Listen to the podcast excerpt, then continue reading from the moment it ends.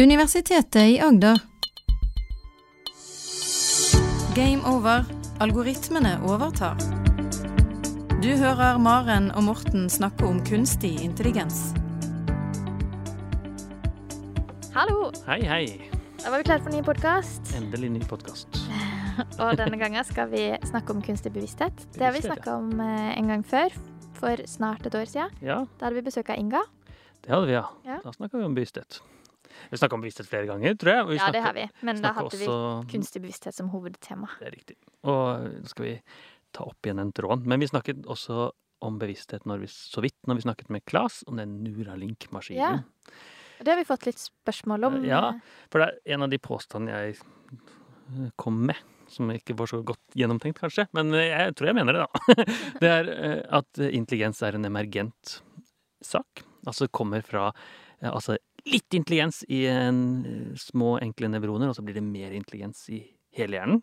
Altså at det er forskjellig hvis det bare er én og mange. Hvis jeg tar ut ett enkelt nevron fra Mm. hjernen min, så har jo den ingen, i hvert fall veldig, veldig lite intelligens. Men på en eller annen måte, når alt sammen er samla, så blir det ikke så mye, men bitte litt intelligens i min hode. Og så i noen mennesker så blir det enda mer. Men det, på en eller annen måte så har det kommet fram. Og kanskje man kunne tenkt bevissthet i den retningen også.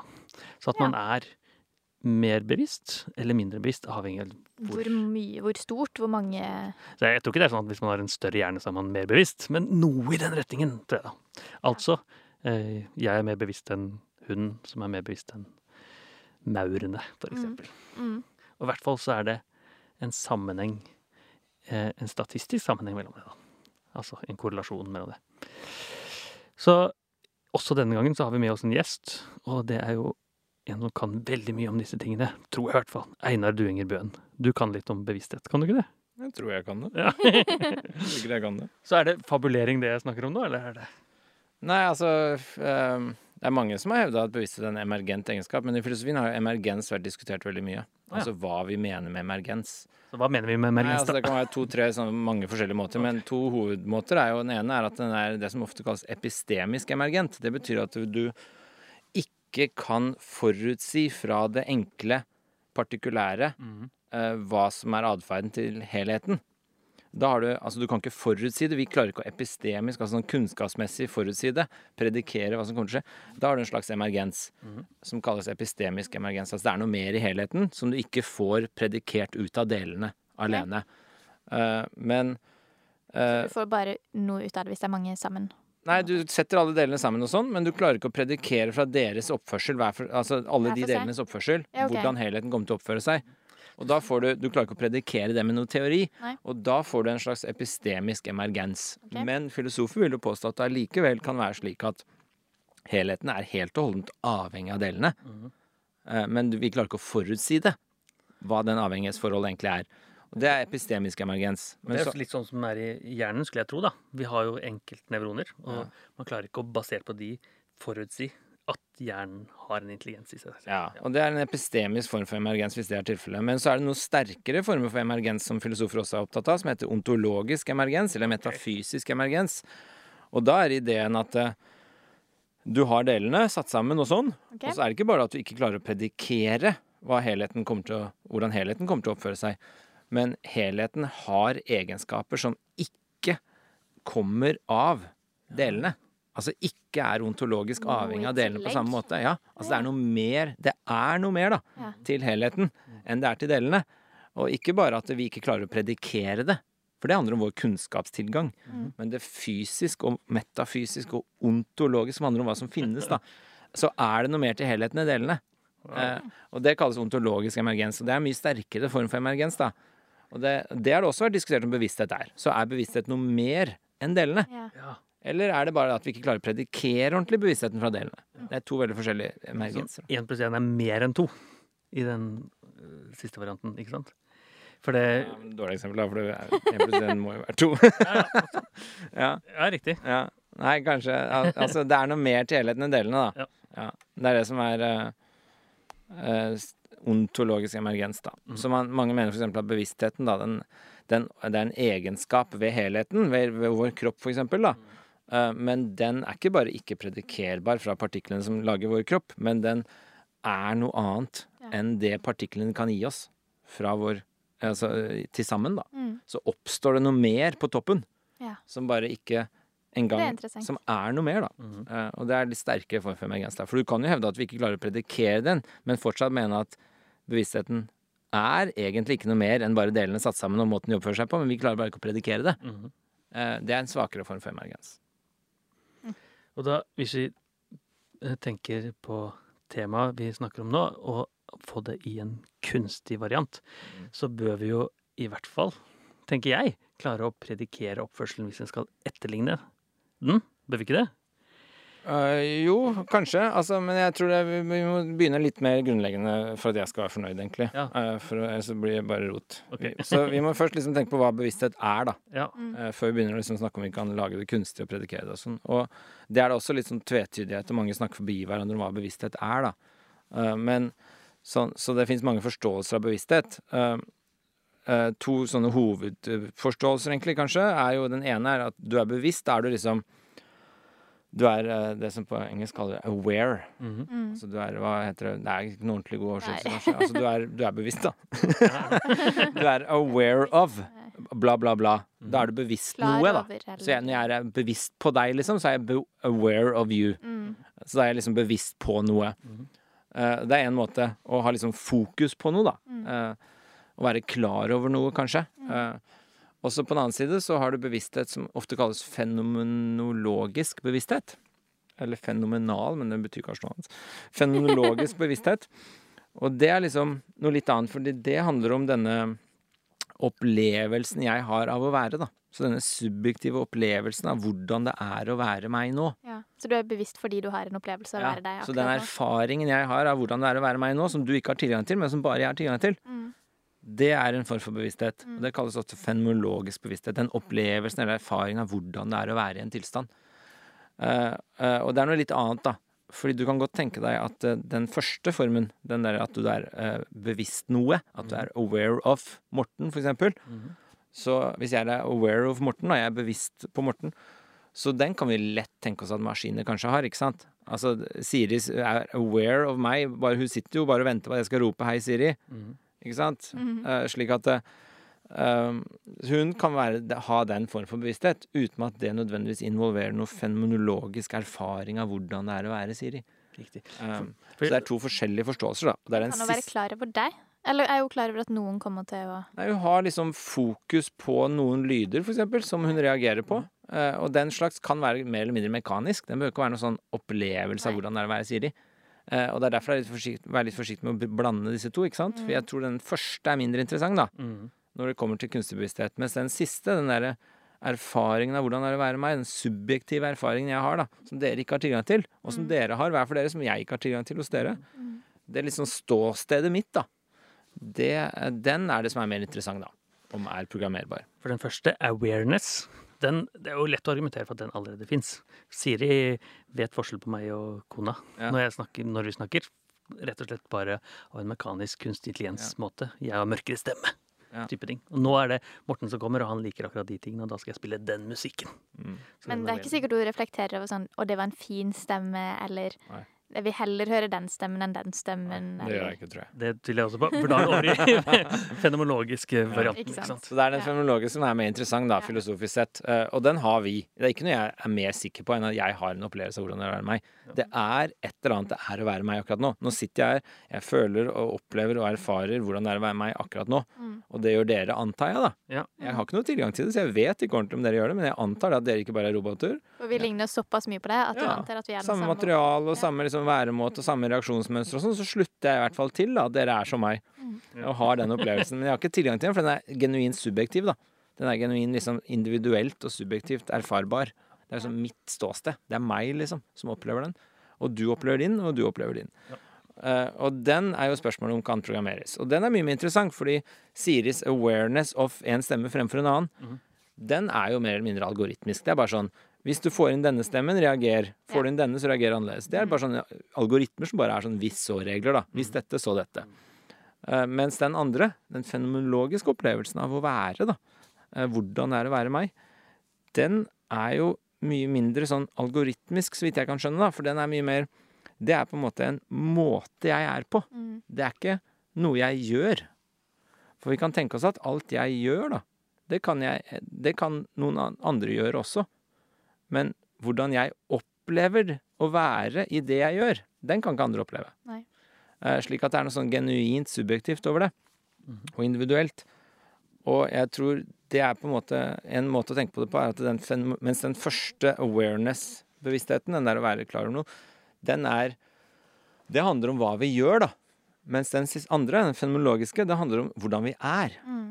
Og, og det er ikke gitt at du kan programmere hvordan jeg er. Ja, for den er ikke mulig å måle. Nei, altså er, ja, ikke bare det, men den er liksom Det er Det er en væremåte fremfor en gjøremåte, da, for å si det sånn. Ja. Uh, uh, så kan Så en filosof som heter David Trummers, som er veldig sånn kjent i vår tid, da, han lever og sparker og fullt i livet, han fortsatt. Og han er liksom en av vår mest sånn største, egentlig, kanskje nå som lever nå, da. Og han har jo kjent argumentert for i mange år, da, at eh, denne fenomenologiske bevisstheten, den opplevelsen av å være i en tilstand, da, hvordan det er, den kan den er noe litt annet. Så den er eh, ja, Det er litt stor diskusjon om hva den er, da. Du kan f.eks. tenke at den er ontologisk emergent, som vi var inne på tidligere. Men den er noe annet enn det fysiske materialet som på en måte florerer og opererer rundt om i verden. Fordi vi kan tenke oss såkalte zombier, som han mener. da, Dette er filosofiske zombier. Eh, og en filosofisk zombie er da en fysisk kropp som min, som er et duplikat av min kropp. Helt lik meg fysisk. Gjør alt jeg gjør, sier alt jeg sier, ser ut sånn jeg ser ut. Alt er på plass. Helt likt. Hele verden er helt lik. Men det finnes ingen opplevelse av hvordan det er å være. Det kan vi tenke oss. At det er bare helt mørkt på innsida. Mens vi har liksom et lys på innsida ikke sant, som ser utover. Mens eh, det er helt mørkt på innsida av sånne zombier. Og det kan vi tenke oss, mener han da. Og Derfor er det mulig at det kunne ha skjedd. Og siden det er mulig, så er det ikke nødvendigvis det samme, da. Ja, det er interessant. For hvis det er mulig, så må det ikke være motsatt. Det er sant. Eh, Så han tenker seg sånne tankeeksperimenter, da, og da skiller han dette fenomenologiske bevisste da, fra liksom det mer operasjonelle fysiske, som er programmerbart. Og så skiller han ut det fenomenologiske og sier han, dette er noe annet. Dette er veldig mystisk. Hva er det her? Liksom? For vi kan tenke oss det som noe annet. Eh, Som litt sånn emergent, kanskje, som noe helt annet. Eh, og da får du det, dette han kaller the hard problem of consciousness. da. Og the easy problems er bare sånn kognitive strukturer, sånn som du kan finne ut av en hukommelse og sånn. Ja, ja. Ja. Men tenker at det, det, vil la seg gjøre å teste for, eh, for den type bevissthet, da. Ja, nei, det er veldig vanskelig. Kan man vite noe om dyr, for eksempel? Da? En Ja, fisk? nei, jeg har en katt da, som jeg har sittet og sett mye på. Og jeg tenker at katta mi er jo bevisst. Altså, den har en eller annen fenomenologisk bevissthet. Den har en erfaring av hvordan det er å være, tror jeg, da. Mm. Hvis jeg tråkker på beinet på katta, så skriker den og hopper unna og sånn. Ja. Og når jeg sitter og stryker den på sofaen, så ligger den og durer som en sånn treskeverk. Og det, det tror jeg liksom Den har opplevelser av hvordan det er å være. Den nyter noen ting, og nyter ikke andre ting og sånn. Så jeg tror det er veldig sånn konsensus om at dyr har bevissthet. Også fenomenologisk bevissthet. Men alle dyr? Fisk? Må vi, Nei, det er sånn stort spørsmål spørsmål hvor i hierarkiet det slutter. da, Så har mauren det, for eksempel. Ja. Fisken er jo det nye nå, da. Man tror fisken har det, liksom. Altså Ja. at den har smerteopplevelser, og den har liksom alt mulig rart. Det er det nye nå, da. Det er veldig vondt å tenke på Ja. når man er på fisketur på sommeren. Men Ja. eh. Men det er også derfor jeg, syns det er så vondt å drepe fisk. Jeg lar alltid sønnene mine gjøre det. For jeg orker ikke å gjøre det. Alltid pappa gjøre. Eller Og, men sånn er det jo også at er dyrevelferd Hvorfor er vi mer opptatt av dyrevelferd? Jo, det er jo fordi vi erkjenner at de har bevissthet, ikke sant. Det tok man ikke alvorlig før. Mm. Uh, men hvor det stopper, da Jeg vil jo kanskje ikke Jeg vet ikke om bier har det. Det var noen som sa maur og bier har det òg, i en eller annen grad. Men da er det kanskje litt sånn som Morten sa, da. At det er gradsforskjell. Ja. Og så er det også viktig å skille den type bevissthet som katta mi har, da, og som jeg har. Disse opplevelsene av å være. Men jeg har jo i tillegg denne evnen til å reflektere over min egen opplevelse. Det har ikke katta, Mhm. tror jeg, da. Tror ikke den Nei, katta jager musa og fanger fuglen, og så er han, har han opplevelse av hvor gøy det er. Mm. Eh, og så liker han ikke å bli tråkka på, men han sitter ikke og tenker liksom nå er det jeg som faktisk løper etter denne fuglen her. Det er interessant. Altså, burde jeg, den reflekterer ikke sånn. Får, får ikke dårlig samvittighet for å drepe den musa. Så selvbevissthet på en eller annen måte, det har ikke disse dyra på samme måte som oss, da. Og det er litt den maletesten i panna som mange dyr eh, feiler på. ikke sant? Altså Du setter en malingsflekk i panna og ser deg i speilet, og så tar de ikke og gjør noe med den flekken. Mens noen sjimpansere de tar seg i panna på den flekken, ikke sant? Fordi det er fascinerende at de har en flekk der. Da er det forskjell at det er noen som skjønner at de ser seg selv i speilet, Ja. og noen som ikke gjør det. Ja. Og så barn, menneskebarn får det i første leveår eller noe sånt, Ja. tror jeg.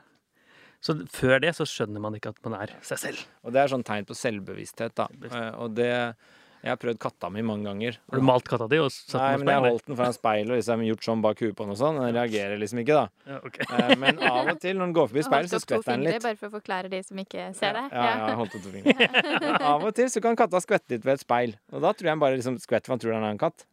Ja, tror- ja, riktig. Det er en annen katt som står der og Ja, han ser speilet, og så ser han en annen katt. Bare, ikke sant? Eh, Plutselig er det en annen katt hjemme Jeg tror ikke han liksom. skvetter for han ser sin egen sveis eller et eller annet sånt. Uh, ikke sant? Det er, uh, ja. Så da, da tror han at det, da tror kanskje katta at det er en annen katt der. Og det er jo en form for test for bevissthet, denne speiltesten.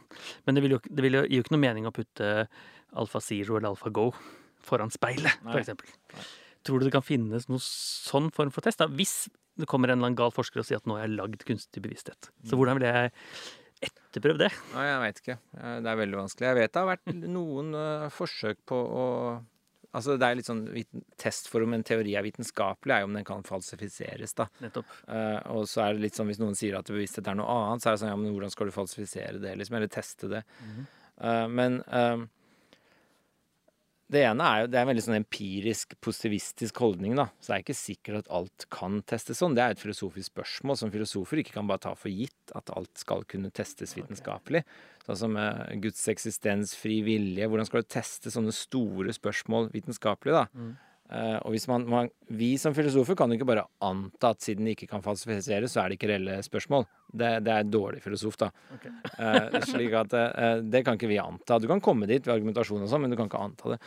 Så man skal være litt forsiktig med å liksom sette det kravet på alle problemstillinger. da. Du setter det på mer sånne empiriske, fysiske problemstillinger, selvfølgelig. Eh, Men det er ikke sikkert du skal sette det på alle filosofiske spørsmål, fordi da dør filosofien og hele all interesse ut, da.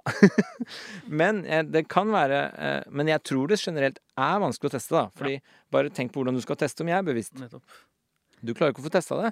Du må slutte til det indirekte. Fordi du kan aldri sitte i mitt ståsted og oppleve hvordan det er å være meg. Mhm. Men du kan slutte til at jeg har samme kropp som deg, jeg reagerer sånn som du gjør, og så kjenner du på deg selv hvordan du har det når du er i den tilstanden, og så ser du hvordan Så slutter du til at jeg må ha det røftlig noe lignende. Mm. Uh, og det er en slags slutning, da, til beste forklaring. Og det gjør vi jo ofte. Bare tenk på sånne svarte hull i universet. De er liksom indirekte bekrefta. Du kan ikke reise dit og bekrefte, fordi da forsvinner all lysinformasjon inn og kommer ikke ut igjen. Så det er indirekte bekrefta ved atferd rundt. Så det er det som ofte kalles teoretiske postulater da, for å fullføre teorien din i, i, når du lager teorier. Eh, Så i vitenskapsfilosofien kan man det teoretiske postulater. Da. Og så det må du gjøre på et eller annet tidspunkt, for du kan ikke bekrefte eller observere eller teste alt. da. Eh, Så ja. Men Men jeg kan jo få en god forståelse for det, selv om ikke jeg får en riktig test. Så hvis vi bytter ut deg med zombie, deg som zombiefilosofen, så skulle jeg tro at jeg kan jo stille den zombien noen spørsmål som gjør meg litt skeptisk til å ja, tenke nei, men det går ikke på den tankeeksperimentet, for zombien oppfører seg akkurat som meg. akkurat deg. Men han har jo Så når du sier noe til den, så svarer han det akkurat likt som deg, da. helt likt. Da men, Bortsett fra at det er mørkt på innsida. bortsett fra mørkt. Men, da, men det betyr at det må være noen Da kan det ikke være noe oppførsel i den zombien Nei. som avhenger av bevisstheten Nei. i det hele tatt.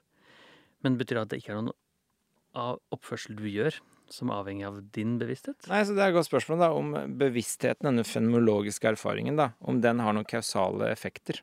Altså, eller er den bare det altså noen, Hvis du tenker deg Du kan tenke deg en sånn parallellisme, kalles det, hvor du har en slags bevissthet gående parallelt med det fysiske, og så har det ikke noen interaksjon. Det er en veldig rar teori, ikke sant? Hvem, hvorfor skulle det være sånn? Eh, og så kan man tenke seg noe som heter epifenomenalisme, som er at bevisstheten er noe som kommer på toppen av alt annet. Ja. Emergent eller ikke, men det popper opp på toppen. Og så, har det, så det er en effekt av det fysiske, men det har ikke noe effekt tilbake på det fysiske. Da er det en slags emergens, da. Nettopp. Det, kom, Eh, ja, det, det kan man også tenke seg at det bevisste egentlig ikke. Og da kan du ta vekk toppen, ikke sant? Og så kan Nå vifter jeg med hendene, det ser jo ikke de som Men da kan du ta vekk toppen, og så kan du ha oppførselen på bånn allikevel. Så det er mange versjoner å tenke seg her. Men, um, men en mer altså en som er, mange syns er, som er litt sånn undergrunnshipp, kanskje, litt sånn populær nå, da, som jeg syns er litt spennende, det er jo at bevisstheten er en form for panpsykisme. da, At, at bevisstheten er noe grunnleggende Alt, i virkeligheten. At alt har en alt har en eller annen form for bevissthet. Både mauren, men Ja. også steinen. Ja, kanskje til og med steinen. Alt har en eller annen form for erfaring. Men den er veldig forskjellig fra sted til ting til ting. Men, og så er den mye mer kompleks hos oss enn hos en stein. ikke sant? Men at alt har et eller annet, i hvert fall et potensial for en slags erfaring. Og så når du setter det sammen alt, ikke bare det levende. Ja, du kan begrense det levende òg, men panpsykisme, ideen i sin ekstreme form, er absolutt alt. Okay. Har dette potensialet til en form for protobevissthet.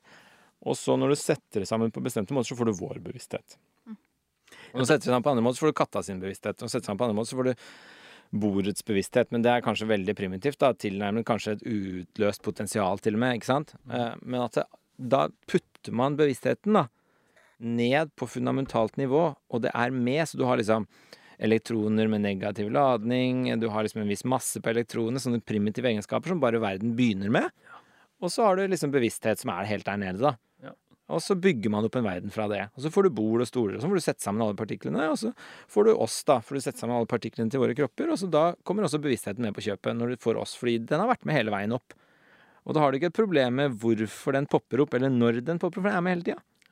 Det føles litt juks for meg, da. For det er sånn, så hvor kommer bevissthet fra? Jo, den er, er der fra bånn av. Men den løser problemet. Den løser problemet med hvorfor og hvordan den interagerer med det andre. Men da burde den jo vært til kunstig intelligens òg. Ja, så det kan vi komme til nå, for det er et veldig godt spørsmål, da, faktisk. Det er liksom rett på kjernen. eh, hva som skjer med kunstig intelligens i et sånt verdensbilde. Kunstig bevissthet. Mm. Men bare for å kjapt si det til Morten, da, for det, det, det er en motivasjon bak det. Altså, det kan ses på som litt juks, og det er veldig mange som mener det er bare tull. Ja. Men den løser i hvert fall problemet med hvor bevisstheten hvordan den interagerer med alt annet. For den, den bare er med hele veien. Det er ikke noe spesielt, liksom Så det noen sier, at bevisstheten er den iboende egenskapen ved ting. Mens fysikken er liksom den relasjonelle, strukturelle, funksjonelle egenskapen ved ting. Så, så verden oppfører seg fysisk, men den er bevisst. Det er veldig fascinerende bilde, for du får med alt, da. Mens hvis du ikke har det sånn, så må du forklare hvordan skal vi få plassert bevissthet i et ellers fysisk verdensbilde. Det er veldig vanskelig. Det er det kjente mind-body-problemet i filosofi. Hva er interaksjonen? Hva, hvordan kan det bevisste påvirke det fysiske? For det ser jo ut til at hvis jeg er i smerte, så oppfører jeg meg annerledes enn hvis jeg er i glede. Absolutt, da. Eller katta di, Ja, som du sparker på Ja. av og til. til. Så, så det er jo en interaksjon her. Så hvordan skal vi forklare det? Og det er vanskelig hvis det ikke klarer å redusere det bevisste til det fysiske, da. Eller det programmerbare. Ja. Ja, for et eller annet sted så må den jo havne der, og kanskje kommer den helt fra bånn av. Det er, en, det er en teori som i hvert fall løser det, da. men den får andre problemer. da. Altså Den får jo problemer hvorfor plutselig kombinasjonen som du er satt sammen, da, blir bevisst som du er, og ikke bordet. Ja, eller zombie-varianten av meg, som ja. da er akkurat lik. Men Det kalles ofte kombinasjonsproblemet. da, Så det er noen som mener at det problemet er like ille. da. Altså Hvorfor noen kombinasjoner blir bevisst som oss, og andre ikke. Jeg vet ikke om det er like ille. Jeg har en helt annen teori på det. Jeg har skrevet en artikkel, fagartikkel om det her, som er ordentlig publisert, holdt jeg på å si, som eh, handler om det, hvor jeg løser det, da. Eh, Men det kan vi ta en annen Hvor du løser det faktisk. Jeg løser det. Jeg løser alt, jeg. Du har løsninger på alt, du. Nei, så jeg kunne håpet det var en test à la Turing-testen, da. For Turing-testen var jo ideen at hvis noe oppfører seg intelligent, så er det intelligent. Mm. Hvis noe oppfører seg hvis, som er visst, så burde det være bevisst. Alla jeg spør de riktige spørsmålene. Ja, jeg tror ikke det er det, da. For det, det kanskje Kanskje en gang i fremtida kan man måle det. Hvis man finner Ja, altså. Hvem vet hva som skjer i fremtida, men jeg kan ikke skjønne hvordan vi skal få det til. Fordi det er dette unike, subjektive ståstedet. Så jeg må på en måte være deg for å få testa det. ikke sant? Mm. Så en måte man har tenkt seg på det, er at man tar elektroner i hjernen din, Mm. og så måler man all aktivitet og sånn, og så setter man de og gjenskaper de i hjernen min. Ja. Sånn at du kan Så man måler se Man, nøyaktig hva jeg man liksom må, tar et totalt mål av din hjerneaktivitet på et Mm. tidspunkt. Så går man inn i meg, og så setter man på elektronene der og gjør de samme greiene i hjernen min som skjedde i din. Og da vil du kanskje føle hvordan det er å være med. Det er en hypotese. Interessant. Men så vet jeg jo fortsatt ikke om det var akkurat som det var å være deg. For jeg Nei. er jo ikke deg. Det høres ut som enda mer inngripende enn den der Neuralinken, som skulle bare komme seg til Ja. bitte liten sted av eh, hjernen. Og gjenskape tankene, var jo ideen der. Ja. Så har du noen tro på det i det hele tatt? Så en del av Neuralinks er at du skal ta eh, og kopiere tankene og spille de av igjen på nytt, sånn at du kan lære fortere. Og da kunne vi gjort det samme med bevisstheten. ikke sant? Har, her, her har du en opplevelse av noe, og så kan jeg lagre den i den chipen og sende den ut. Ja. Nei, jeg har, eh, jeg har tro på det. Altså, jeg, jeg har ikke noe Jeg ser jo masse sånne vitenskapelige eksperimenter hvor man på en måte gir f.eks. rotter visse støv som gjør at de trekker til sukkeret fortere, eller hva disse eksperimentene er. Altså, jeg har jo sett på disse, og det er jo det er ikke noe, altså det virker jo rimelig at man kan gjenskape altså Jeg tror jo bevisstheten er avhengig av hjernen og sentralnervesystemet vårt på en eller annen måte. Slik at når jeg manipulerer det, så manipulerer jeg bevisstheten. Det er ikke noe å lure på det. Altså Hvis jeg åpna skallen din og rota litt rundt med en teskje oppi der, så hadde din bevissthet blitt veldig annerledes. Ja. At det er en, det er en interaksjon. Det er en interaksjon der. Ja. Og da vil jeg jo tro det er helt rimelig å tenke som disse eksperimentene viser, da, i mindre grad, at eh, når jeg forandrer på fysikken, så forandrer jeg en del på bevisstheten din. Eh, slik at, den- og da kan jeg manipulere og gjenskape et minne, f.eks. Bare gjenta den kjemikalske reaksjonen, eller hva det var, nøyaktig likt, da. Mm. Så gjenstår det i hjernen din. Altså man begynner å hjernemanipulere sånn. Det tror jeg bare er helt rimelig at kommer til å skje og går an. Eh, men du, vi må huske på at det, det er fortsatt bare en gjenskaping av bevisstheter som er der. Mhm. Jeg tror ikke du kan gjens... Altså, du Spørsmålet er om når jeg gjenskaper et minne i min, mitt hode, da, for eksempel, en tilstand jeg er i, og en erfaring av hvordan det er å være i den tilstanden, så har jeg en opplevelse av hvordan det er å være i den tilstanden igjen. Mm. Men det er ikke dermed sagt at bevisstheten min er gjenskapt. Nei. Noe er lagra, men ikke nødvendigvis en bevissthet. Ja, altså, jeg har bare gjentatt samme greie, men bevisstheten min kan fortsatt være den tilstanden at jeg er i å oppleve hvordan det er å være i mine tilstander. Mm. Og så når du da gjentar en tilstand, så selvfølgelig oppleves det likt.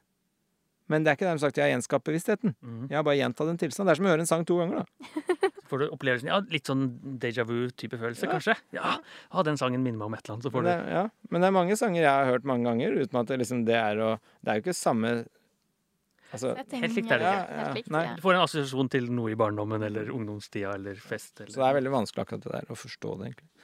Så tenker du at det, hvis vi ikke snakker om den awareness-bevisstheten, men eh, den større, generelle bevisstheten, tror du det går an å en gang i fremtiden å lage en kunstig variant på det? Allah, la sånn som de sa med Sofia-roboten, som bare var fake, og nærmest påstå at den var bevisst. Hvis du tenker 200 år fram i tid. Ja, ja jeg har eh, Og vil vi komme dit? Ja. Kan og vil. eh, To Mm. spørsmål. Jeg har eh, Hvis det er noe jeg tror er vanskeligst, og som jeg tror er lengst unna, som jeg tror kanskje er umulig hvis noe er umulig, så er det den fenomenologiske bevisstheten. da, Å gjenskape den funksjonelt. Mm. Fordi den ser ikke ut til å være av den art at den er algoritmisk. Altså den ser ikke ut til å være av den Det er ikke noe vi gjør, men det er noe vi er, da, som jeg sa. Mm. Så eh, det så da Og algoritmer er jo bare atferd. Mm. Slik at det, det er noe behavioristisk over algoritmer. Mens bevisstheten er jo slik vi har definert den her nå, da. Så er det jo ikke bare behavioristisk. Det er liksom en væremåte. Så, men det er ikke umulig å tenke seg, eh, kanskje. Eh, man kan tenke seg at eh, hvis man tenker litt sånn panpsykistisk, da, som vi var inne på, da kommer vi til det du stilte i stad. Altså, vi tenker sånn panpsykistisk som vi var inne på i stad, hvor liksom alt har dette potensialet for bevissthet fra bånn av. Mm. Til og med steinen. Til og med steinen og partikler og elektronene har en eller annen primitiv potensial for bevissthet. Til og med én en enkelt elektron! Ja, elektron. kanskje, hvem vet. Men hvis man tenker seg litt sånn bilde, da, at det er med fra bånn av, så kan man jo tenke seg at ja, hvis jeg bare da gjenskaper alt funksjonelt i Morten sin kropp, Mm. så kommer jo bevisstheten med på kjøpet, for den har jo vært med hele veien. Ja. Fra bånn av. Mm. Eh, og jeg tror David Chummer selv er litt der. Ja. Eh, han er ikke så skeptisk til at dette kan gjenskapes. Eh, problemet med den ideen, da, som jeg tror kanskje er en liten sånn obstacle her, det er at det vil jo da, i hvert fall hvis det skal være kunstig, da, så vil det gjenskape sitt annet materiale. Ikke sant? Mhm. Eh, så man gjenskaper da Morten i silikonchips og metall, Og ledninger og litt og ledninger og sånn. Mm. Uh, mens uh, når Morten lager et barn, så lager han jo på en måte en intelligens og en bevissthet, men da lager han det biologisk. Mm. Men når han lager en robot, så lager han det med silikon og metall og ledninger og litt sånn. Uh, og så kan man tenke seg at de funksjonelt oppfører seg helt likt. Mm. Og da er det ikke gitt at bevisstheten kommer med på kjøpet, fordi det kan være at den er bundet til det biologiske materialet fremfor det silikonmaterialet. Slik at det, det er ikke gitt at den kommer med. Men hvis man hadde lagd av biologisk materiale, da, sånn som man kan lage et Ja, altså Hvis man bare dupliserer et menneske, da, Ja. biologisk, Ja. altså sånn som i Star Trek og sånn, hvor man bare liksom beam me up, eh, ja. så bare dupliserer man et, Du bare river fra hverandre partiklene og skanner dem, og så setter man de sammen igjen et annet sted, med kanskje noen helt andre partikler til og med, Mm. men helt like duplikater. Da uh, gjenskaper man jo bare et biologisk uh, skapning. Og det vil jeg ikke kalle kunstig intelligens. Nei. Eller kunstig bevissthet, for det er jo på en måte ikke kunstig lenger, det er jo naturlig. Mm. Altså man har, det har jeg gjort, jeg har lagd tre barn. Altså, så, sånn sett har jeg lagd tre bevisst intelligente skapninger, men de er ikke kunstige.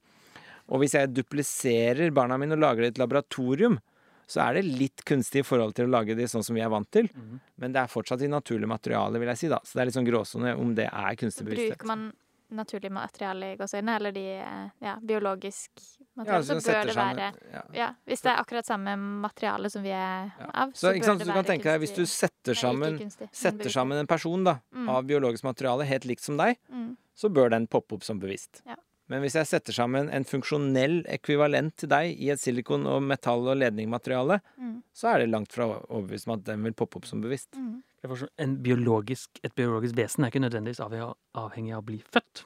Nei. Sånn som det skjer i Star Trek, da, hvor man Ja, da bare kopierer, og så av en eller annen merkelig grunn så sletter man den første. Det er litt sånne bioteknologiske fremtidsscenarioer hvor man lager barna i laboratoriet så kvinnene kan frigjøres fra ni måneders graviditet. Det er et feministisk trekk som mange kan tenke seg at teknologien skal hjelpe oss med. Eh, og da, Det er litt sånn som når vaskemaskinen kom. Det var noen som, oppvaskmaskinen kom. Det var noen som sa det var den største frigjøringen, eh, feministisk frigjøringsmaskinen som har kommet. Det var oppvaskmaskin og vaskemaskin. Eh, Tid fordi det, det satt frem så mye tid. Det, skaff, det ga dem så mye tid, da. Og på lignende måte kan man tenke seg at det å frigjøre kvinner fra å føde barn da, er et kjempefeministisk fremskritt. da. Eh, Andre vil jo mene det ikke er det, da. Men altså, det er bare sånn, nå bare finner jeg på ting. Men det kan jo tenkes på som et fremskritt, da. Eh, og da lager man barna i laboratoriet. Men da vil jeg jo si at det er den nye normalen, ikke sant. Og da blir det de naturlige barna. Det er ikke kunstig bevissthet lenger. Og de er lagd av biologisk materiale og sånn. Men hvis vi tenker oss mer sånn at vi går i retning av å bli kyborger, vi blir bare roboter hele gjengen, så er jeg mindre overbevist om at bevisstheten følger med på kjøpet. Fordi det er et annet materiale det blir lagd i. Men, Selv om saksa og steinen og plastikken kan være bevisst. Ja, det er ikke gitt, da. Men altså, det er ikke umulig, tror jeg, men det er ikke gitt heller at det følger med, da. Nei. Det blir mer eller mindre et empirisk spørsmål. Og sånn sett kan du kanskje teste det, som Morten var inne på, da. Men det er vanskelig å få bekrefta når du har lagd den. Du har lagd en robot på den ene siden, du har lagd en, en laboratoriebiologisk barn på den andre, og så har du lagd et naturlig barn på den tredje. Mm. Så stiller du alle tre opp ved siden av hverandre, Mm. og så skal du begynne å teste om de er bevisst, og hvem er bevisst. Helt umulig, vet du. Ja. Da begynner du like mye å tvile på det naturlige er bevisst, som at roboten er bevisst, ikke sant? For det, en sånn test vil jo da fordre at du skal prøve å lure motstanderen hele tida. Mm. Og det virker, virker rart at det er liksom eh, regelen for om å være bevisst. På samme måte som Turing-testen, som skal handle om intelligens, handler om å lure motstanderen til å tro at man er intelligent. Er, Jeg tror Turing-testen på intelligens eh, egentlig funker, jeg da. Jeg tror den er litt undervurdert. Eh, men eh, Det er en annen diskusjon. Men det, jeg tror ikke det funker med noen Turing-test på bevissthet. da. Fordi du sitter der og tester liksom eh, uten å se hvem du snakker med og sånn, og så spør du om ting. 'Hvordan opplever du det her? Har du en opplevelse?' Så sier han ja og alt. Altså, hva skal du peke på som som, som ikke handler om bevissthet. Mm. Sant. Jeg tenker at de fleste lytterne her burde være bevisste sin opplevelse av denne podkasten. Og hvis de har enda mer lyst til å lese med enda mer om det, så kan du jo lese din bok om teknologiens filosofi, kan ikke det? Skriver du om det her? Ja, det er eget kapittel på det her. Den kommer til våren 21. Den må de forhåndsbestille, eller Ja, ja. Eller- Spørs når den episoden her sendes. Jeg vet ikke, om noen uker? jeg vet ikke. Men det kan i hvert fall Kommer etter jul, da. Men ikke som julegave. Nei. Den er ikke klar til det. Men eh, din bok kan vi nesten eh, kjøpe som julegave. Ja, Den kan bestilles som julegave akkurat nå. Ja. Veldig god julegave, tenker jeg. En eller annen gang så må vi ha deg tilbake, Einar, og snakke om eh, enda mer om kunstig intelligens og de tingene som er nært knyttet til det, sånn som kunstig bevissthet. Men det håper jeg skjer før vi eventuelt får den kunstig bevisste maskinen.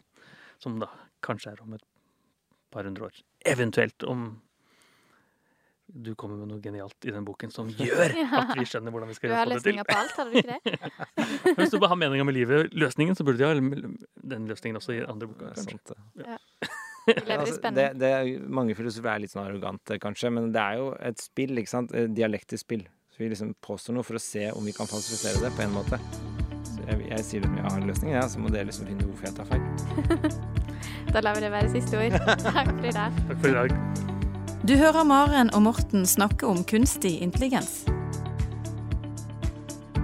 Har du spørsmål til Maren og Morten, send en e-post til gameover.alfakrølluia.no.